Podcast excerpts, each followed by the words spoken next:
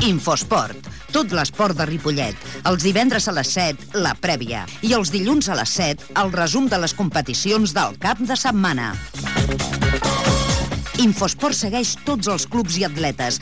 La informació de l'esport de Ripollet a Ripollet Ràdio, amb Ramon Argenter. Jugues?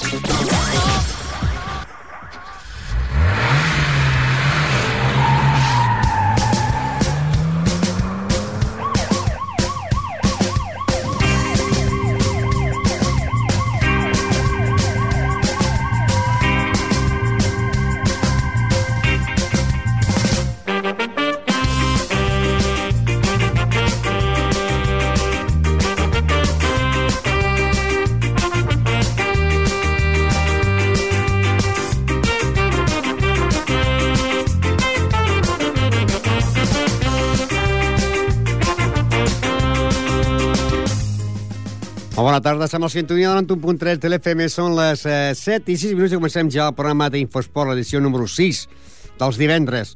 A les vies de so, Fralla Dio, Cuspala, Ramon Argenter. Recordeu els esportistes, ho dic perquè, esclar, eh, aquest dissabte, aquest dissabte el rellotge, quan siguin les 3, s'ha de posar les dues, per tant, es dormirà una hora més. Això és bo pels esportistes, perquè altres anys, quan és al revés, hi ha gent que fa tard, no? Comencem ja el programa i precisament anem a recordar les paraules, entrem ja així a saco.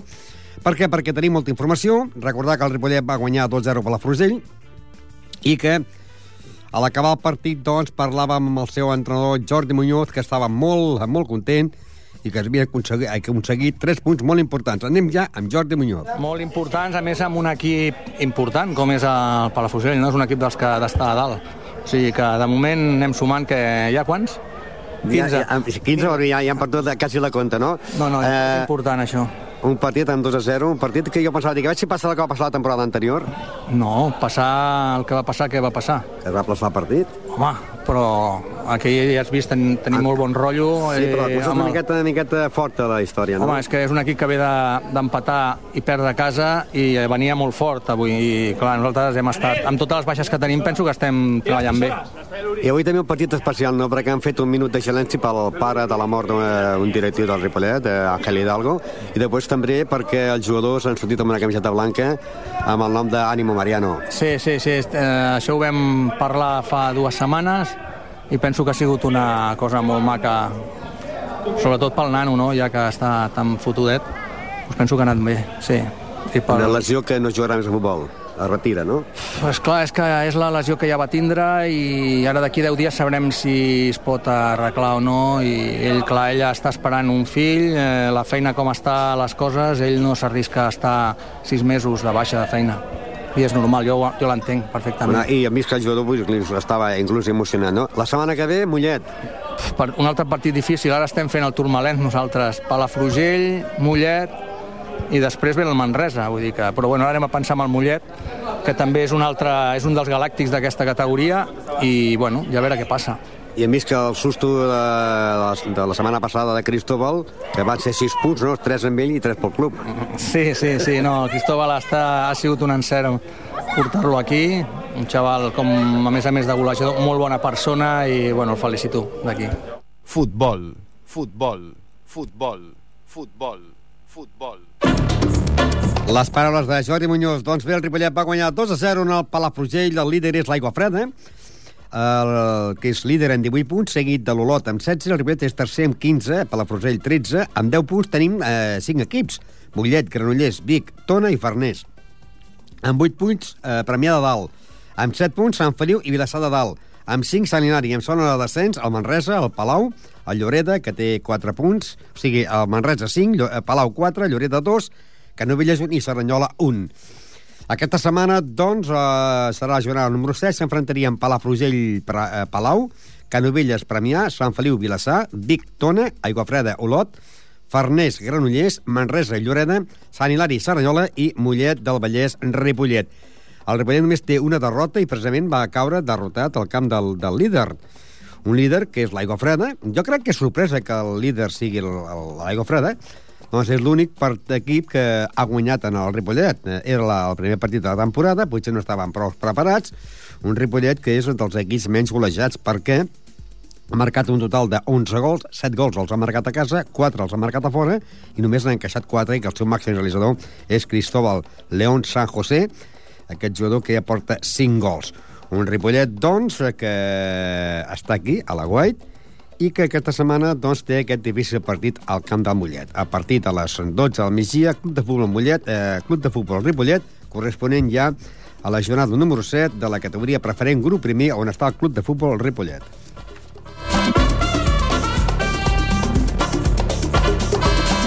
I seguim amb més futbol, perquè ara anirem a recordar, doncs, que la setmana passada a l'Esdila perdia a casa davant de la Nefut, primer derbi de la temporada de la tercera territorial, 0-3, i que inesperadament també doncs, la penya perdia al camp de la Farga per 3 a 1, amb un gol solitari de Pere.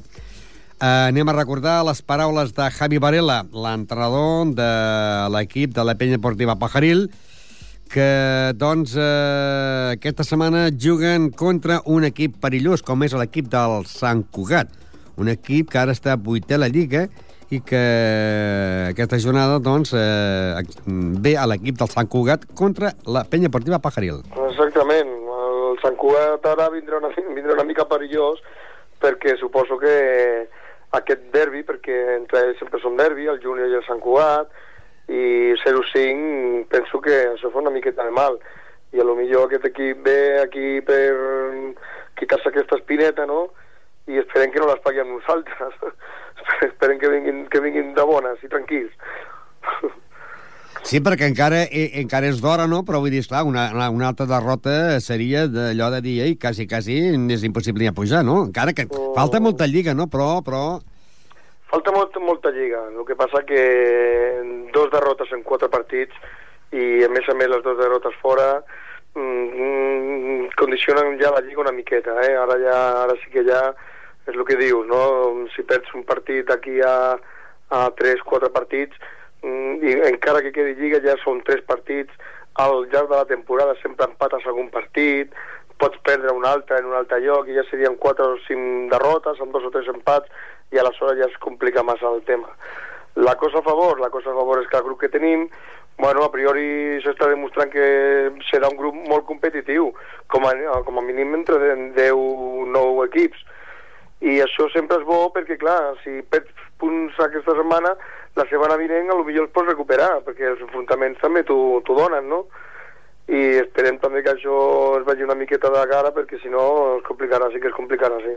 Doncs, i els horaris, aquell, aquell problema que teniu amb la de fut, de, dels horaris, ja s'ha arreglat i jugareu a les 6 o jugareu a les 8 aquesta setmana?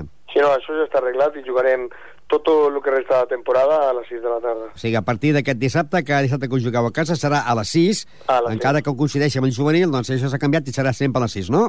Exactament.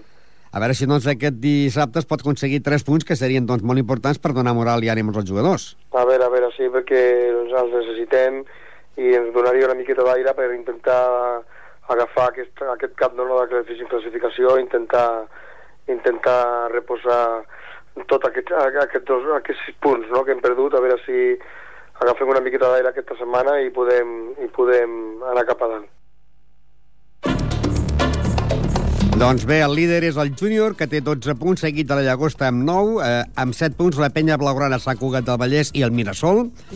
El, la penya blaugrana Barcino, el, la penya deportiva Pajaril i l'associació deportiva Esdila amb 6 punts, amb 4 punts el Sant Cugat, la Fundació ja Santa Perpètua, amb 3 punts el Roreda i la Farga, en, eh, en el lloc número 13 la de Fut amb 3 punts i eh, amb un punt el Diagonal i amb 0 punts el Nou Vallès i el Mollet del Mollet City. Eh, Mollet City, que és l'últim de la Lliga. També hem de dir, doncs, que la setmana passada es va produir el primer derbi, l'Esdila, va perdre casa davant de la de Fut per 0-3, i que aquest cap de setmana els enfrontaments serien Bartino, La Farga, Júnior, La Llagosta, Santa Perpètua, Penya Blaugrana, Sant Cugat, Nou Vallès, La Fundació, Diagonal, Raureda, el Mollet jugaria contra la de Fut, el Mollet City, la penya portia Pajaril contra el Sant Cugat i el Estila aniria a jugar al camp del Mirasol, com diu el seu entrenador, Antonio Linares. Campo del Mirasol, sí, que perdió me parece con Robreda, sí, bueno. El Robreda, sí. Pero ya te digo, aquí en la tercera jornada a ver, es un equipo fuerte, pero bueno, los partidos son muy... Puede dar, puede dar una de cal y una de arena, no sé. Yo intentaré, a ver, esta semana trabajaremos fuerte a ver qué tal, a ver si se endereza un poquito la cosa.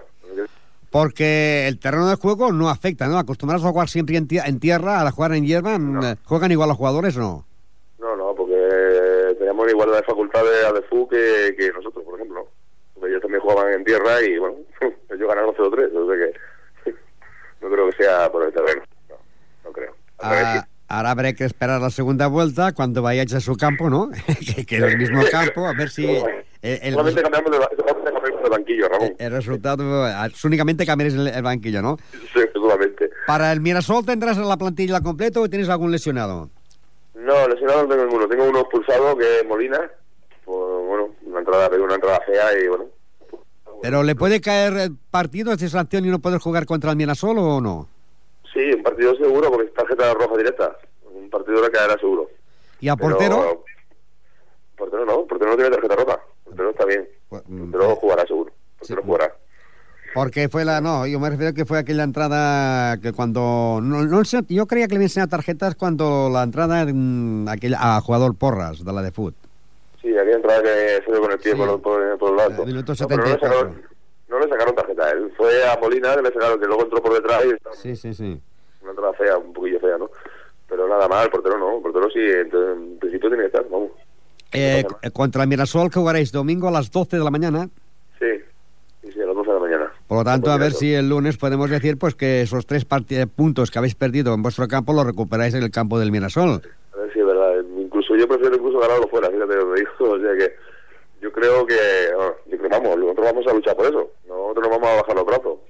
A ver, lo- supongo que los chavales reaccionarán y esto subirá para arriba, ¿no? ya veremos. Futbol. Futbol. Doncs bé, recordeu, el Ripollet jugarà el diumenge a les 12 a Mollet de Vallès. Mollet, Ripollet, a la tercera territorial. El Pajaril jugarà a casa contra el Sant Cugat a partir de les 6 de tarda del dissabte. El Mirasol i les Diles jugaran també aquest diumenge a partir de les eh, dissabte a les 7, 6, 4 de la tarda. I també a les 4 el Mollet City jugarà contra la de Fut a la tercera territorial. I per acabar el món de futbol hem de dir que l'equip de la de Fut femení que la setmana passada, per motiu de que tenien doncs, les jugadores bastant eh, justes, no van poder jugar, van aplaçar el partit que tenien pendent contra el Sant Graviel, que tenien que jugar a Barcelona. Aquest diumenge a les 10 jugaran contra l'equip del Bonaire. A la de Fut eh, ocupa la plaça número 16 amb 0 punts. L'equip del Bonaire ocupa la plaça número 12 amb, també amb 0 punts. I estem parlant del futbol femení, que és la tercera jornada. El que passa que l'equip de la de Fut, la segona jornada, doncs, va aplaçar el partit davant del Sant Graviel i el primer partit va perdre contra l'Europa per 0 a 10. Futbol sala. Futbol I anem al món del futbol sala perquè la setmana passada el Ripollet guanyava a Mataró per 1 a 3 en gols de Quique, de Nando i de Ju- Juanele. Líder, el Barça, amb 15 punts, seguit de Vilassar de Mar, també amb 15, Hospitalet, 13, Corbera, 12. I el Ripollet està situat en el lloc número 5 de, amb 10 punts, els mateixos que el Brises Esport de Mallorca. Amb 7 punts, el Cacerres, eh, també de Mallorca, i el Bar Micasa, que és el proper rival de l'equip del Ripollet. Amb 6 punts, l'Escola Pia Sabadell i la Unió de Santa Coloma de Gramenet. Amb 4 punts, les Plugues. Amb 3 punts, Premià de Mar. Amb 3 punts, Mataró. I en zona de descens directe, el Gavà amb 3 punts, Canet de Mar amb 2 i l'Inca amb 0 punts. Aquest cap de setmana s'enfrontarien el Corbera contra el Mataró, el Barcelona contra l'Escola Pia, Inca contra el Premià, Hospitalet contra el Vistres Esport, Vilassar de Mar contra el Cacerres, el Canet contra el Gavà, la Unió contra les Plugues i el dissabte a partir de dos quarts de set el Ripollet contra l'equip del Bar Micasa. I pel que fa a la Lliga del Futbol Sala Preferent, el grup tercer on està el Futbol Sala Ripollet, l'equip B, l'altre dia, la setmana passada, va guanyar en la, en la pista del Sant Just per 3 a 6 en, en 3 gols d'Isaac, un exjugador que estava jugant a la Lliga Nacional i ara està amb el Ripollet B, un de Carlos, un de Zequil i un de Cristian. El líder és el Sant Feliu, que té 9 punts, seguit de l'Alell i el Cervelló amb 7, amb 4 punts Cornellà i Ripollet B, i també el Castellà, amb 3 punts Sant Coler, Pla del Llobregat, Castelldefels, Gornal, Sant Just, Sporting Prat amb dos punts, amb un punt el Llagostens i el Sant de Perpètua i a la Penya Esplugues, i amb un punt tanca l'equip del club eh, Futbol Sala Xarxa amb 0 punts. Aquest cap de setmana jugarien el Ripollet B el dissabte a dos quarts de cinc contra el Cornellà. Un Cornellà que en aquest moments el Cornellà és quart a la Lliga en 4 punts. Un Cornellà que la setmana passada eh, perdia davant de casa seva davant de l'equip del Sant Coler. Continuem amb més futbol sala i diem que també Van va començar aquest cap de setmana la Lliga de la primera divisió femenina. El Can Clos B jugava contra la Penya Esplugues i que van empatar dos amb gols de l'Ali, eh, un de l'Ali i un de Mireia. Amb 3 punts tenim l'Hospitalet, Centella, Sant Just i Teià. Amb un punt, Penyes Plugues i Can Clos B. I amb 0 punts, Cervera, Palau, Arenys Amunt, Panteres Grogues, Martorelles, Sant Pedor, Provençalenc i Penya Blaugrana, Sant Andreu. Aquest cap de setmana es jugarien a partir de les 6 de la tarda del diumenge, o sigui, del, perdó, del dissabte, Provençalenc, Can Clos B. El Can Clos és sisè a la Lliga amb un punt i el Provençalenc ocupa la plaça número 13 amb 0 punts. Un Provençalenc que la setmana passada perdia la primera jornada a la pista dels Centelles per 8 a 3. Anem a recordar les paraules del de, el seu entrenador, eh, Ivan eh, Beas, que deia ell, bueno, diu, que l'important és tant de l'equip A com de l'equip B mantenir la posició i mantenir la categoria. Hem de dir que l'equip A no començarà fins al dia 8 de novembre, perquè el grup, que és, hi ha 10 equips, doncs la Federació Catalana, eh, perquè ells estan a la divisió de plata, ha organitzat un torneig de Copa a part perquè es vagin preparant, però la Lliga Oficial comença el dia 8 de novembre. Anem a recordar les paraules d'Ivan Beas. Sí, por supuesto. Nuestra intención siempre es intentar, lo primero, intentar mantener la categoría y todo lo que venga a partir de ahí, pues mira, bien recibido sea. Este, esta semana jugáis en la pista del Provençalén, un equipo que ha perdido frente al Centellas 8 a 3. Sí. Eh, ¿Qué tal es ese equipo? ¿Conoces a Provençalén o no? No, la verdad es que es un equipo que ha subido este año. Ni yo ni el entrenador de este equipo, que es Ruyé, creo que tampoco lo conoce. Porque yo este año más más que con como estaba antes, yo este año estoy prácticamente en el primer equipo, con el segundo equipo el que lo lleva Ruyé. Y la verdad es que ni yo lo conozco, ni el Ruyé, ni Ruyé creo que tampoco lo conoce. Con lo cual, prácticamente iremos un poquito a ciegas. O sea, tú cuando empiece la Liga de la División de Plata estarás con el primer equipo y Roger estará con ese equipo del equipo B, ¿no? No, ya prácticamente está con el segundo equipo, Sí. tal cual estaba el año pasado, y este año sigue sigue igual. En el primer equipo estaré yo, estaremos yo estaré yo con Xavi y Ani, eh, una jugadora que estaba el año pasado que ahora entrará aparte a formar con el grupo de, de entrenadores, Xavi conmigo, y el segundo equipo pues estará formado por Ruyé y por Alex, igual que el año pasado, y bueno, iremos echando una mano tanto Xavi como yo como Ani en lo que ellos necesiten, pero en teoría eh, este año no es como antiguamente que estábamos tanto Xavi como yo en el primero y segundo equipo estábamos en todos lados, este año ya independizamos un poquito este, este tema, pero bueno, no del todo. Y así pues a este sábado eh, iréis con el Provençalén. Eh, partido que se juega a la tarde, a las 6 de la tarde, ¿puede ser? No sé si es a las 6 o me han dicho que es a las 7, pero bueno, no estaremos nosotros porque nosotros tenemos el partido que este que te digo de Copa y estamos, vamos a Peñíscola este, este sábado. Con lo cual no creo que podamos asistir al partido. Hockey. Hockey. I també hi ha jornada aquest cap de setmana del món del hockey, el que passa que el Ripollet va recuperar aquell primer partit que es tenia que jugar la primera volta, eh? o sigui, la primera jornada del Ripollet contra el Tona, que van empatar 4, partit que es va jugar aquest cap, aquest cap de setmana, el dissabte, perquè el Ripollet tenia jornada de descans. Líder és el Congrés, empatats amb el Voltregà, la Salle, la Garriga i el Barcino, tots amb 9 punts. El Tona en té 8, el Mollet i Folgueroles 6. Ripollet ocupa la plaça número 9 amb 5 punts. El Tarradell, Cornellà i Sant Just amb 3 punts i tanca el Gama i el Semanat amb 0 punts. El dissabte, doncs, el Ripollet, aprofitant de que se jugava i el Ripollet tenia jornada de descans, jugava contra el Tona, el primer partit de la jornada, i empataven a 4 i hi havia nou entrenador. Josep Francesc Borràs, més conegut amb el nom del hockey com el nom del, de Tato, és l'entrenador que jugarà, bueno, és mentit, dirigirà l'equip del Ripollet de hockey, perquè sabíeu que era Jorge García. Jorge García, per motius de feina, no ha pogut ser. Òscar Collado va deixar. I els primers partits, Toni Pi, entrenador de la base, es va posar com a, com a entrenador, però era momentàniament fins que fitxitxen amb un, amb un altre entrenador. Aquest cap de setmana disputa la jornada número 6 i seria Barcino Cornellà, La Salle Gamma, Tona, Folgueroles, Mollet, Congrés, Tarradell, Semanat i el dissabte a les 7 de la tarda Sant Just Ripollet. Si mirem la classificació, el Sant Just doncs, eh, té 3 punts d'un sol partit guanyat i ocupa la plaça número 12, mentre que el Ripollet ocupa la plaça número 9 i té 5 punts. Aquest cap de setmana, doncs, a partir de les 7 de la tarda, Sant Just, Club Hockey Ripollet. Handbol. Handbol. Handbol. I també va començar el handball pel Ripollet aquest cap de setmana. Van jugar ja a l'equip cadet, que va guanyar en el Sant Martí eh, per 29-28, mentre que el primer equip del Ripollet de la tercera categoria, que ocupa la plaça últim de la Lliga, eh, més ben dit, penúltim, és la primera jornada, però que ara, eh, l'any passat, això s'ha canviat, de que només hi havia un grup, aquest any n'hi ha sis, Els partits van ser Aula 17, Rubí 39, van descansar el Pau Casals de Sabadell, Molins de Rei 32, Gavà 30, a Safa, Sant Andreu 19, la Salle Bonanova 36, també va descansar a la Salle Montcada, i el Ripollet que perdia davant del Sant Andreu per 18 a 39.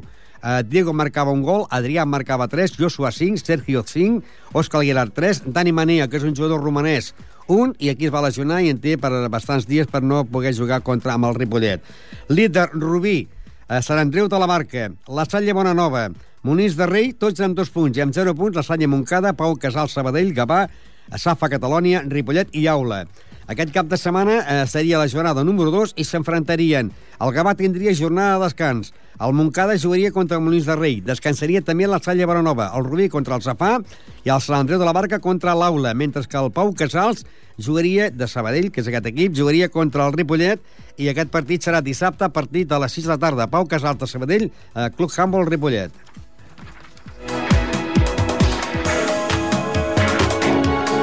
Tenis taula, tenis taula, tenis taula. I es pot dir que els equips nacionals de tenis taula doncs, eh, estan eh, en plena forma perquè ha començat la Lliga i són líders de les competicions. A l'equip de la Divisió d'Honor femenina, després de guanyar la setmana passada a la pista del bàsquet de Girona per 3 a 4, doncs és líder de la competició. Primer Finca Ripollet, 4 punts, seguit del Calella en 4, Balaguer amb 2, Requena de València 2, Lecanea d'Irun 2, Atlètic Sant Sebastià 2, Mediterráneo 2, Pàscara Girona 0, Avilés 0 i Fotoprix Vic 0. Aquest cap de setmana hem de dir que el, el Finca Ripollet jugaria a casa en el hall del pavelló d'esports dissabte a les 8 de la tarda contra l'Atlético San Sebastián del País Basc, que ocupa la plaça número 6 amb dos punts. Un Atlético San Sebastián que la setmana passada guanyava a Avilés per 3 a 4. Per que fa l'equip de la primera nacional, doncs líder és el Mataró, eh, amb dos punts, Caçarenc amb dos, i Finca Ripollet és segon amb dos punts i un partit menys. Falcón també té dos punts, Santa Eulàlia d'Eivissa, 0 punts, Ateneu, 0 punts, Calella, 0 punts i Fotoprix Vic, 0 punts, que és la segona jornada. Aquest cap de setmana, a l'equip del Finca Ripollet, que jugaria dissabte a partir de les 5 de la tarda, eh, seria contra eh, l'equip del Caçà de la Selva de Girona en el poliesportiu. Això pel que fa a l'equip de la primera nacional eh, femenina. Pel que fa a l'equip de la primera nacional masculina, doncs que és l'equip que juga a l'escola Montserrat de Serranyola, doncs la setmana passada eh, guanyava l'equip de Los Llanos de Canàries per 4-2, amb dos punts de Freddy Fejula, un de Miquel Arnau i un d'Àngel Àngel Carrión. Líder, eh, amb tres partits, són l'Amistat de Canàries i el Ripollet Verdolai. A l'Esparreguera eh, en té dos, el Mataró 2, Hospitalet 2, Falcons 2, Los Llanos 2, els Amics 0, Vilanova 0 i el defensa de la Isla de la Palma 0 punts. I aquest cap de setmana, en el, a Serranyola, a partir de les eh, 5 de la tarda, l'equip del Ripollet Verdolà jugaria contra l'equip del Esparreguera, una Esparreguera que és tercera la Lliga. Per acabar el món del tenis taula hem de dir que l'equip de la mm, segona divisió nacional serà un equip que mm, jo dic que em sembla que no guanyarà cap partit. És un equip que on els nanos petits, els infantils, estan jugant a Lliga Nacional, no? I ho fan, doncs, perquè es vagin esbravant. Eh, varen perdre en la pista aquí, eh, en el poliesportiu, davant del Sant Andreu per 1 a 5, ocupa l'última plaça amb un Vilafranca del Penedès, que és líder, i aquest cap de setmana jugarien contra l'equip del Bàscara de Girona. El partit començarà el dissabte en el poliesportiu a les 5 de la tarda.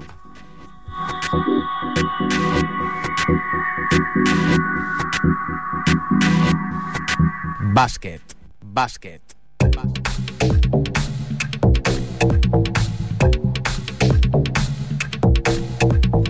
I seguim amb bàsquet perquè el Club Bàsquet Ripollet, doncs, l'equip encara està molt ben situat, està a dos punts del líder, que és el Sant Josep de Girona, després de que la setmana passada guanyés a la pista del Figueres amb, amb un resultat de 93 a 98, després d'arribar a un empat a la pròrroga, empat a 83.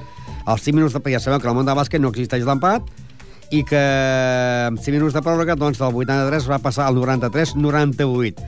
Líder Sant Josep de Girona amb 10 punts, seguit del Sant Adrià amb 9, els mateixos que el Montgat. Amb 8 punts tenim a 4 equips. El grup Osorio de Badalona, el, el Barberà, el Sant Josep de Badalona i el Club Bàsquet Ripollet, que ocupa la plaça número 7 en 8 punts. Amb 7 punts, 4 equips. L'Igualada, el Figueres, l'Argentona i el Minguella de Badalona. Amb 6 punts, el Blanes i el Salt de Girona. Amb 5 punts, el Santa Coloma de Gramenet. I amb zona de descens directe, el Pineda amb 5 punts i el Sant Andreu de Natzaret de Badalona amb 4 punts. Aquest cap de setmana, en el pavelló Francesc Berneda, dissabte, perdó, diumenge, a un quart de vuit, Club Bàsquet Ripollet contra el Blanes. Un Blanes que la setmana passada eh, perdia a casa davant de Sant Josep de Badona per 71 a 76. Un Blanes que és dotzè a la Lliga amb 6 punts. Pel que fa a la Copa Catalunya de la tercera categoria, el Club Bàsquet Ripollet, l'equip B, va perdre l'altre dia doncs, de pallissa eh, Artés. Artés 84, Ripollet B 49. Líder el Navàs, amb 10 punts empatats, empatats amb l'Opalo Serranyola, que en també en té 10. Artés, Balsareny, Berga, Gramenet, eh, Badalonès, Parets, Sant Pedor, Esperi de Terrassa, Santa Coloma, Sallent, doncs estan en les últimes posicions i el Ripollet està ara en zona d'ascens directe. Estem parlant dels començaments, però en aquest cas baixaria de categoria. El Ripollet ocupa la plaça número 15 amb 5 punts i darrere té el Castellà del Vallès, que en té 5. Aquest cap de setmana, també en el pavelló Francesc Berneda, diumenge a dos quarts de sis de la tarda, Club Bàsquet Ripollet de Sant Pedor, a l'equip del poble de Josep Guardiola, l'entrenador del Barça, Sant Pedor. Hem de dir que, a més a més, Sant Pedor també vindrà a jugar aquí a Ripollet amb el món del futbol sala femení.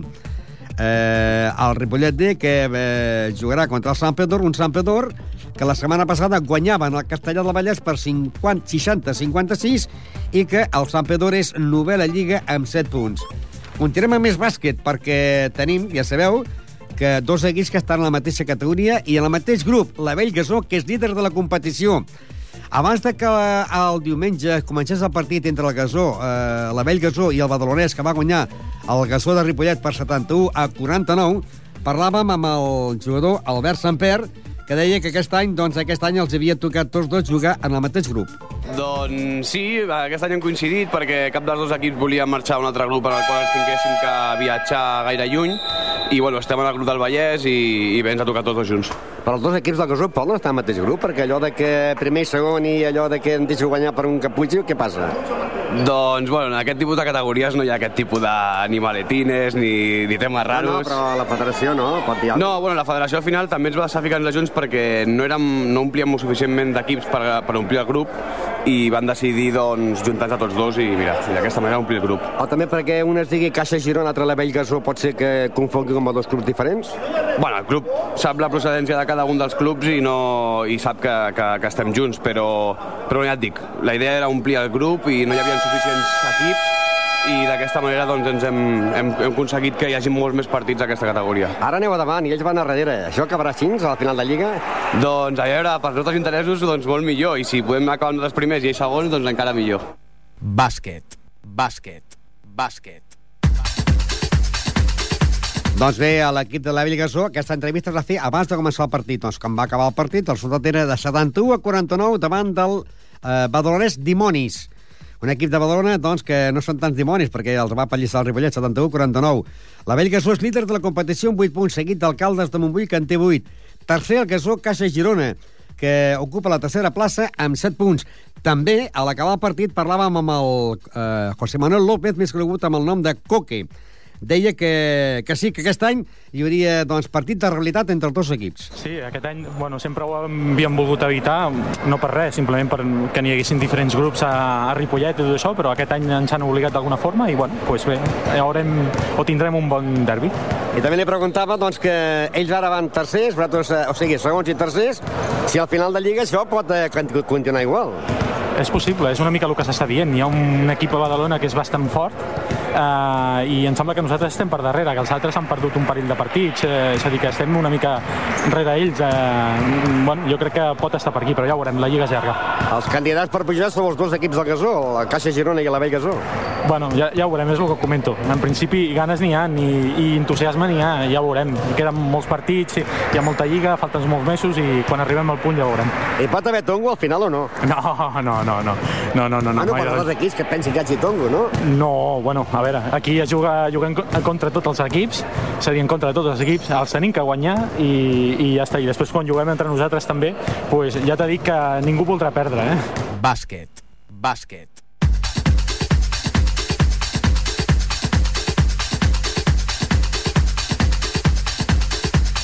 Seguim amb més bàsquet, doncs el Gasó Caixa Girona és eh, tercera lliga amb 7 punts, però aquesta setmana aquesta setmana pot perdre pistonada, i dic això perquè té jornada de descans.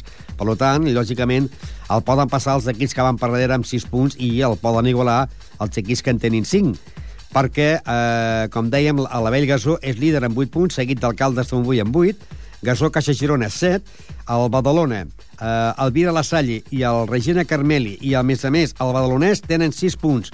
Amb 5 punts tenim el Dimonis, el Santa Perpètua, el Montseny i el Montigalà, el Montmeló i el Santa Perpètua B. El Ronçana en té 4, el Setmanat en té 3 i tanca el Martorelles amb 2 punts. Aquest cap de setmana, a la Bellgasó jugaria contra el Martorelles, o sigui, el líder, el líder que és a la Bellgasó, tornaria a jugar contra el Gasó, eh, contra l'equip del Martorelles. S'afrontarien el líder i l'últim de la Lliga. El- La Bellgasó, que és líder amb 8 punts, contra el Martorelles, que ocupa la plaça número 15 amb 2 punts. Un Martorelles que la setmana passada perdia a casa davant del Montigalà Badalona per 52 a 64, mentre que el Gasó Caixa Girona, que, doncs, que va guanyar justet en l'equip del Santa Perpètua B per 67 a 63, tot el rato anava per davant l'equip de Santa Perpètua, al final els punts van quedar aquí a casa, doncs aquesta setmana té jornada de descans a l'equip del Gasó Caixa Girona. El que eh, aquesta setmana també ja al món del bàsquet femení, ja sabeu que l'altre equip del Gasó és l'equip femení, la setmana passada el partit entre el Martí Juràstic i el bàsquet femení es va ajornar, el Sant Olaya de Ronçana va perdre davant del Lliçà d'Amunt per 51 a 54. El Llavaneres va guanyar en el Pineda de Mar 51 a 48. El Club Bàsquet Xamba va perdre a casa davant de l'Alella per 35 a 45. El Roquetes va guanyar en el Tiana per 59 a 42 i el partit que es tenia que jugar al Martí Juràssic de Barcelona contra el bàsquet femení Ripollet no se jugarà fins al dia 25 de novembre a les 9 de la nit. Líder Llavaneres, amb 6 punts seguit, amb 5 punts de 3 equips, el Xamba, el Ronçana i l'Alella. Amb 4 punts, Pineda de Mar i Lliçà d'Amunt. Amb 3 punts, Roquetes i Tiana. Amb 2 punts, en el lloc número 9, bàsquet femení Ripollet, que en té 2, i amb un punt tenim el Martí Juràssic i el Club Bàsquet Llinars, amb un grup de 11 equips que tenen eh, aquest, aquest eh, grup primer de la categoria B del món del bàsquet femení. Aquest cap de setmana, les noies de Javi López tenen jornada de descans en el món del bàsquet, perquè, doncs, com dèiem, el grup és impar. I, com dèiem, aquest partit entre el Martí Juràssic i el bàsquet femení no se jugarà fins al dia, el dilluns dia 25 de novembre. 91.3 Visca la ràdio Ripollet Ràdio Ripollet Ràdio. Magdalenas con alioli. No, Mar, fatal, no. Berberechos con colacao. Que no, hombre, que no, berberecho, carajo. Altramuces con nocilla. Que no, señor, tramuse no. Café con sal. Que no, que no. Ah, sí, café con sal, café con sal, eso, eso. Todos los miércoles en riguroso directo de 8 de la tarde a 10 de la noche. Escucha el programa menos serio de Ripollet Radio. Uy, perdón. ¿Y eso? Que repite. Es verdad, amigos, los sábados repetición del programa de 12 del mediodía a 2 de la tarde en la 91.3 FM. No, si yo decía las magdalenas con alioli. Eres tontísimo, Dios mío. De lo más tonto que he visto. Sintonitza Ripollet Ràdio siguis on siguis. Escolta'ns des de qualsevol part del món. Ripollet Ràdio a internet. Entra a ripollet.cat i sintonitza.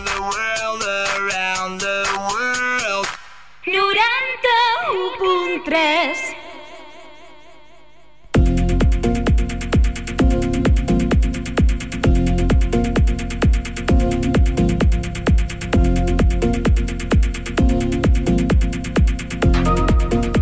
I continuem fins a arribar al punt de les 8 aquí en el programa d'Infosport del divendres. Sabeu que ja començam amb aquella secció que estan Miguel i Norma, Norma Miguel, que avui tenim protagonistes com és el Club Bàsquet Sant Graviel. Sant Graviel, eh, de baloncesto. Sí, sí, sí. El sábado pasado fuimos a ver el partido pues, entre el San Gabriel que dices y el Mirasol, que la verdad que parecía un partido complicado porque el San Gabriel venía de perder 84-48 y iba penúltimo en la clasificación. De, bueno, de 6 que hay iba quinto. Y el Mirasol era líder y venía de ganar por 74-23, por una paliza bastante grande. Pero después de un partido, la verdad, muy igualado, pues al final ganó el San Gabriel por 42 41, pero aunque sufrió un poquito al final, que ya lo veréis qué pasó. San Graviel, que es uno de los equipos que sacan muchos jugadores, ha salido jugadores muy buenos, que están jugando por, por- por- con los equipos del Ripollet de diferentes eh, categorías y también con los equipos de Gasó, gente que ha pasado por el San Gabriel. Sí, además ha, ha salido ahí los hermanos Joan Creus y Jordi Creus. Y ahora en la selección española hay una chica también que es de San Gabriel, Lucilia Pascua. Pascua, sí. También salió de este equipo y sí, es una buena cantera, la verdad. Y es la mejor escuela de baloncesto en Ripollet. Y además nos comentó el presidente... Sí. Estuvimos que- hablando con el presidente del San Gabriel y nos contó que el próximo mes de junio hacen, bueno, harán la edición número 30 del torneo de básquet San Gabriel, que dicen que es la es el torneo documentado más antiguo de Cataluña y que puede ser que sea el más antiguo de, de España también. Del, de- dentro del deporte base, quizás sí, que sea de los más antiguos. Sí, documentado, nos dijo que era el más antiguo de Cataluña, seguro, y ahora están mirándolo si puede serlo de España también. O sea que lleva una historia muy... muy ¿Y esta semana qué traéis? Esta semana traemos a la entrenadora, a Joana Galdeano, y a dos jugadores, a Adrián y a Eric. Eric y eh, los dos jugadores y la entrenadora que es Joana Galdeano. Joana Galdeano, ¿no? Sí. Vamos a escuchar primero a... Bueno, primero escuchamos el corte de partido que hemos hecho, si quieres, como la semana pasada. ¿Sí? O sea, eh, cada sábado, hay cada sábado eh, vais a, a los colegios o a los clubs, a veces quedan domingo, pero nosotros aquí los viernes pondremos eh, unos cinco minutos aproximadamente Sí. del partido protagonista de la semana, ¿no? Sí, una simulación. Y prestar atención esta vez a los- el último minuto, porque es, un minuto, es el minuto real del partido que se escucha de fondo. Ya veréis cómo los padres se alteran bastante por, por la decisión del árbitro, que luego la comentaremos. Es sábado 17 de octubre y estamos en el campo del San Gabriel, en Ripollet, donde se juega el partido entre el Club de Básquet San Gabriel y el Mirasol. Así es, y por parte de San Gabriel y con la indumentaria roja, tenemos bajo las órdenes de Joana Galdeano a Adrián Ruiz. En el centro del campo lanza el balón y se lo lleva el equipo del San Gabriel. Así empieza el primer tercio de la primera parte a las 11 y 5 de la mañana. Sí, sí, tenemos que decir que este año cada parte se divide en tres tercios de ocho minutos, a diferencia del año pasado, en el que cada parte era de cuatro cuartos de seis minutos cada uno. Pequeño cambio, pero importante. Bueno, pues a los 45 segundos de empezar el partido tenemos la primera canasta del San Gabriel. Que Faltan colocan 10 segundos dos para el final de la primera parte y el San Gabriel tiene que lanzar dos tiros libres.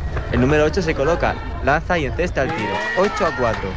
Se prepara para el segundo y falla. Y con este marcador acaba el primer tercio de la primera desde el final del primer tercio y entran de nuevo los jugadores al campo.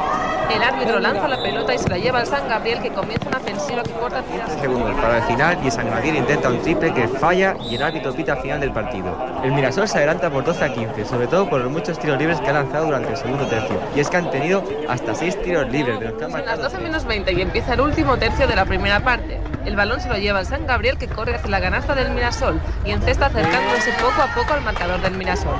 No han pasado ni 15 segundos desde el inicio cuando el San Gabriel ataca. Se ve que han salido con Poco a poco el San Gabriel ha ido avanzando en el marcador. Quedan apenas un minuto para el final de la primera parte y Adrián intenta una buena jugada que acaba con canasta.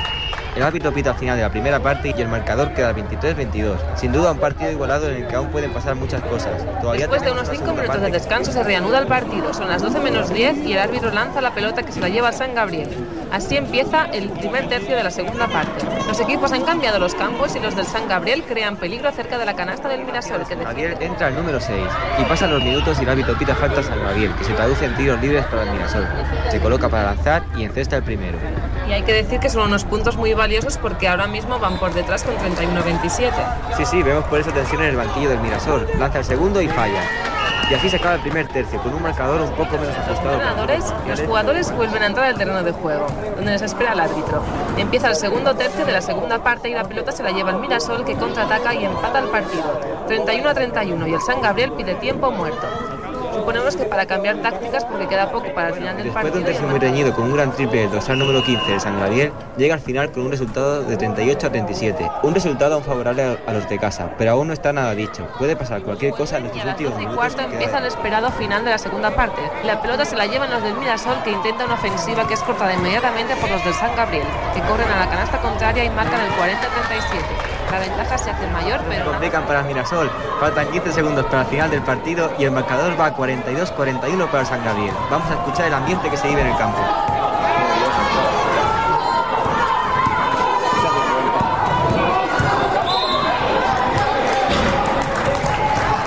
Y el árbitro pita al final del partido. Ganan los de San Gabriel por un punto, 42 a 41. Bueno, un momento. El árbitro dice que el Mirasol le quedan dos tiros libres pitados antes del final del partido. No puede ser.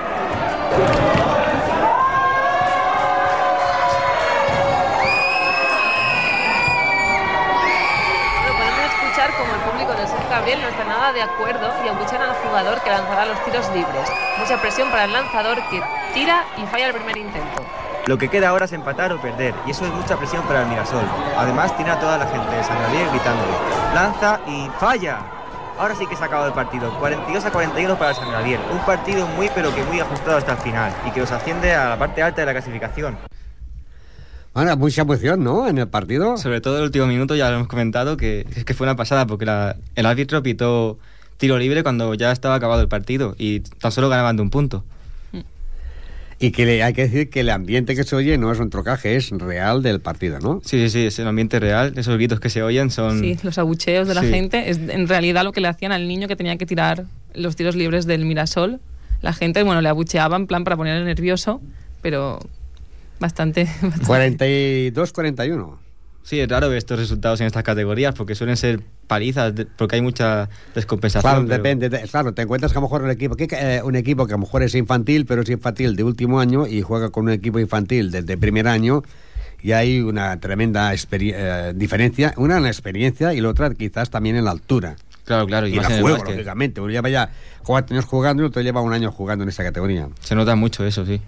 Ahora traemos a la protagonista que hablando del juego lo ha conseguido, tiene un gran trabajo en este equipo porque ha conseguido que todos los jugadores participen por igual en el juego. O sea que esto hay que trabajarlo. Lleva con nueve años trabajando con ellos y se nota, la verdad es que se nota.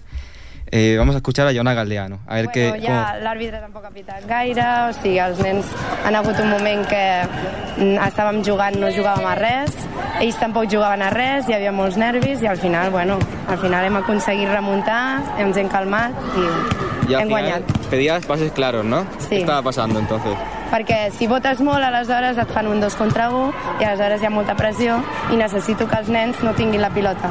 Contra menys temps tinguin la pilota, aleshores hi haurà passis clars i podrem ficar cistella. ¿Y vuestro punto débil cuál ha sido? El nostre punt dèbil sempre és la defensa. ¿Y el punto fuerte? El golpe fuerte pues, ha sigut atacs ràpids i atacs intensos i una cosa que no fem mai és agressivitat en defensa. Y después del primer partido en que perdisteis el 84-48 y viendo que delante teníais a un rival que haya ganado por paliza, ¿qué os esperabais de este partido? ¿Hayan nervios? o- Ens mm, en aquestes categories són categories irregulars. Hi ha equips molt bons, hi ha equips molt dolents, aleshores sempre bastantejant. I ens esperàvem, doncs això, un partit no tan difícil, jo m'esperava guanyar de més, encara que el primer haguéssim perdut de molt, i més calmat. No m'esperava que hi hagués tanta, tanta rivalitat. Ya habéis tenido un inicio de liga un poco irregular, ¿no? Eh, ¿La pretemporada cómo fue? La pretemporada vam, vam anar a jugar uns partits al Sant Jordi i vam jugar contra gent molt bona i contra gent molt dolenta, és el que us estic dient. Depèn, de, depèn dels dies i els nanos també, segons com, pues juguen molt bé i juguen molt malament. Antes del partido, ¿qué les dices a los jugadores? Abans del partit els dic sobretot que es calmin, que es calmin i que es defensin molt fort. En el temps mort els he dit que havien d'estar calmats, que havien d'estar calmats, molta agressivitat en defensa i molt, molta tranquil·litat en, en atac. El final, el, un minuto y tiros libres y todo, ¿cómo lo habéis vivido? Bueno, ells estaven molt excitats, molt, molt, molt excitats. jo estava nerviosa, però és això, que no volíem anar a la pròloga i no, volíem guanyar. O sigui, és un moment d'excitació i un moment àlgid, no? Ah, sentia les paraules de Joana Galdeana, l'entrenadora. 23 años, has dicho aproximadamente tenía. Sí, era muy joven. Sí, sí, 23 años. Llevaba desde los 15 entrenando. Eh, un partit que, que lò- lògicament va guanyar i és difícil perquè en el món del bàsquet, bueno, i no és difícil perquè hi ha molts partits que, que el bàsquet o s'acaba empatat i es fa pròrroga, cas del, del Ripollet l'altre dia, i molts partits que es guanyen per la mina, eh, mínima, i partits que en l'últim segon doncs, eh, es guanya amb un triple, intentar fer marcar el triple per guanyar el partit, no? Això quasi, quasi es pot dir que va passar quan, quan està, on està personal, no? De, Sí, de, sí. l'últim partit, no? Mm. Tenemos más protagonistas, ¿no? Sí, hemos traído al número 11 del equipo, que es Eric Volta, que tiene 12 años y es escolta. Y entonces nos cuenta en qué consiste su posición y además comenta cómo ha visto el partido. Ha sigut molt emocionant, sobretot al final, i el... ha sigut... És que no, no podíem contenir l'emoció al final.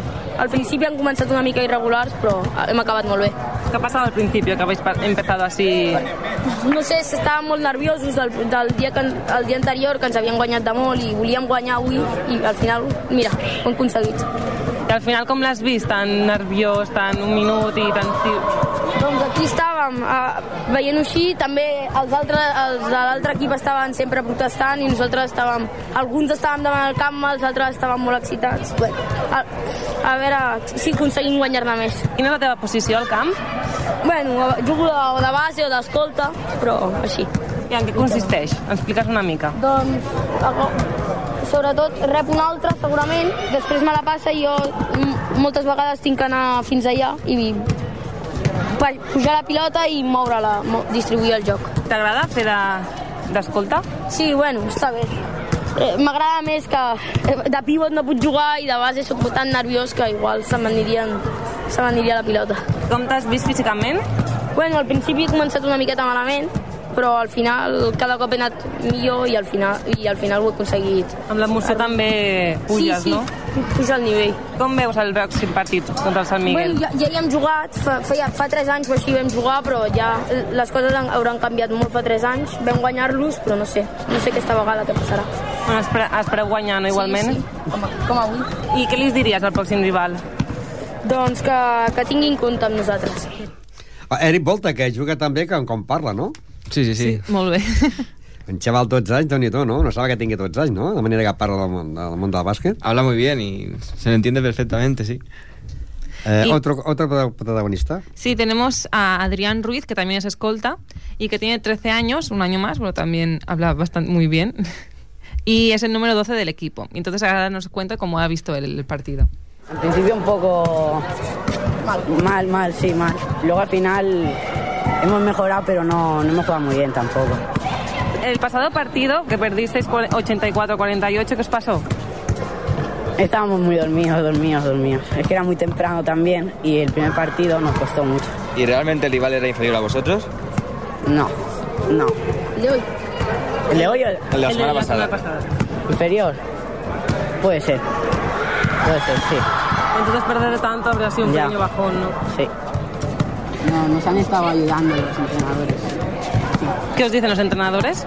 Pues que no nos vengamos abajo que, que mientras estamos jugando y eso, y si los, los rivales nos dan, que nosotros que no, no pensemos en el árbitro nada más, que pensemos en nosotros y tenemos que hacer un buen partido. Mm, ¿Cómo has visto tú al equipo contrincante? Bueno, no eran tan buenos para haber ganado de nosotros de, de uno. Podríamos haber ganado de más. ¿Cuáles han sido sus errores? Que hemos perdido muchas pelotas. Los pases no han sido buenos. ¿Qué es lo que más te ha gustado de tu equipo? En ¿El este- equipo? Pues que, que hemos estado muy unidos y no, hemos, no nos hemos peleado entre nosotros y que nos hemos repartido muchas asistencias. ¿Qué os dice la entrenadora en los descansos? Pues en los descansos, que bueno, depende cómo vayamos jugando. Si nos dice que estamos jugando muy mal, nos pone unas como unos castigos al final del partido, como hoy que si nos metía un punto nuestro entre- nuestro defensor, no, bueno, sí, que tendríamos que hacer para el lunes 10 abdominales, Está picando una vez, una vez, ¿eh? ¿Y cuando ganáis qué pasa? que nos las quitan. Ah, es un premio. Ah, bueno, ¿qué esperas de él? ¿Qué le dirías al próximo rival, tú? Que nos dejen ganar, que nos dejen ganar. L'estava picant una vella i ni, ni s'enterava, no? Estava con l'entrevista, l'estava picant una vella i el tio, vinga, vinga, vinga. Doncs bé, i aquest ambient de fons és perquè, a més a més, s'estava jugant un altre, a, a punt de començar un altre partit, no? Sí, a continuación iba otro partido, el del cadete creo que era. Doncs has sentit a Joana Galdeano, l'entrenadora, eh, Eric Volta, el jugador, Adrián Ruiz, i a més a més ara tenim resultats i classificacions. Sí, aparte de San Gabriel Ripollet 42, Limasol Russell 41, tenemos el San Miquel Arcángel 38, San Andreu Nazaret 52 y el Nuevo Esplugas 38, La Salle Bonanova 51. En la clasificación la lidera San Andreu Nazaret con 4 puntos, le sigue La Salle Bonanova con 4, el Climasol Russell con 3, el San Gabriel Ripollet con 3 también, un partido ganado y otro perdido, San Miquel Arcángel con 2 puntos, los dos perdidos, y colista Nuevo Esplugas con 2. La próxima semana tenemos el San Andreu Nuevo Esplugas, Climasol Rusell, La Salle Bonanova y el San Gabriel Ripollet vuelve a jugar en casa contra el Miquel Arcángel mañana sábado a las doce y media. Y se oía muy ambiente, hay mucha gente, ¿no? Que va a ver los partidos, claro, los, los padres, eh, los abuelos. Sí, los, padres, los amigos. abuelos, amigos, va bastante gente a verlo, sí. Aproximadamente, ¿cuánta gente había en el partido? 40, 50, puede Sí, ser. sí, más o menos. Entre la gente del Ripollet y, claro, la gente también del Mirasol, que también vienen padres, claro, del Mirasol. Del equipo contrario. contrario. Sí, hay ambiente. Hay ambiente. Aparte Sí, que quizás, claro, eh, mientras que un equipo juega aquí, mejor otro equipo está jugando fuera, claro, la gente tiene que repartirse, ¿no? Lo mismo que pasa aquí en Ripollet, ¿no? Porque este fin de semana, pues aquí en Ripollet, tenemos que hay un montón de partidos, claro, la, la gente no puede ir al mismo sitio, o, todos los partidos, por ejemplo, el Ripollet juega eh, en Mollet, pero la Peña juega en casa, el otro también eh, coinciden a veces partidos en el pabellón, eh, eh, eh, handball en un lado, tenis de mesa en otro lado y hockey ahora en el mismo sitio, o sea que a veces, claro, la gente... Tienen que repartirse. Tiene que repartir-se, no? Eh, re recordeu que aquest programa eh, del divendres doncs, eh, es fa en directe sempre i que hores el dissabte de 10 a 11 doncs, es torna a repetir i que cada setmana doncs, eh, la gent eh, que fem tant de l'esport escolar, dels equips com el Sant Graviel, com els equips de l'esport base, doncs, eh, si voleu sentir el divendres, podeu sentir el programa, i si no, si no podeu sentir el divendres perquè estigueu entrenant o qualsevol cosa, doncs podeu sentir-los el dissabte de 10 a 11. I la setmana que ve doncs no anunciarem, perquè la setmana que ve serà sorpresa. Sí, la setmana que viene... Es presentaran no nada. a la Norma i el Miguel a on sigui, però això sí, serà per parlar de l'esport base. Sí, sí, eso infantil, juvenil, de qualsevol esport, tots els esports de Ripollet. Sí, la semana que viene, quien quiera escuchar lo que Se esté verá, aquí. ya se verá. Sí, sí. ¿Algo más? No, por esta, por esta semana ya está bien, todo dicho. Doncs hem de dir que hem de dir que això ho farem cada setmana i que estem ja a la recta final del programa i a la recta final de la competició de lo que és el Club Ciclista Ripollet. Un club ciclista Ripollet que es pot dir que el mes de març, eh, la primera sortida que va fer el dia 1 de març del 2009, que va ser a Hostalric, amb un recorregut de 121 quilòmetres, aquesta setmana pleguen. Pleguen perquè eh, ja comença la temporada d'hivern, no? I llavors, clar, la temporada d'hivern doncs eh, hi ha els que van per muntanya tot terreny i els que van per bicicleta, per carretera, que, que no fan res, sinó que és cicloturisme, no? Eh, ho han fet eh, un total de 29 sortides i hauran fet un total de 3.232 quilòmetres i els hi queda fer, eh, amb aquests 2.332 quilòmetres, el d'aquest diumenge, dia 25 d'octubre, que sortiran a les 8 del matí, faran un recorregut de 104 quilòmetres, faran, eh, aniran a esmorzar a Muscaroles, sortiran des de Ripollet, Granollers, parada Granollers, Cardedeu, Sant Celoni, parada Sant Celoni, tornaran cap a Muscaroles, esmorzar, allà esmorzaran, eh, tornaran cap a Sant Celoni, La Roca, parada La Roca, Montornès, Montcada, parada Montcada i Ripollet. I es commemora, a més a més, que aquest 25 de- d'octubre serà l'última última eh, sortida de la temporada, no? I hem de dir que, per exemple, doncs, es commemora també aquest any el 61 aniversari de la Fundació del Club Ciclista Ripollet, que té la secció de eh, bicicleta tot terreny, la BTT, que aquests sí poden sortir l'hivern, i a vegades disfruten més l'hivern que, que l'estiu, no? Però el que és ciclisme per carretera, com que no són carrers, sinó que surten en planta a passejar, doncs eh, tanquen la competició, comença el mes de diumenge 1 de març del, i acaba l'últim diumenge d'octubre, i ja fins al març l'any que ve, que serà el 2010, no hi haurà competició o sortides de cicloturisme. Això és el que fa el Club Ciclista Ripollet. Posarem punt final al programa i recordeu que el dilluns tornarem a estar aquí amb tots vosaltres i que tindrem els resultats i les entrevistes de tots els protagonistes d'aquest cap de setmana. Adéu-siau i bon cap de setmana.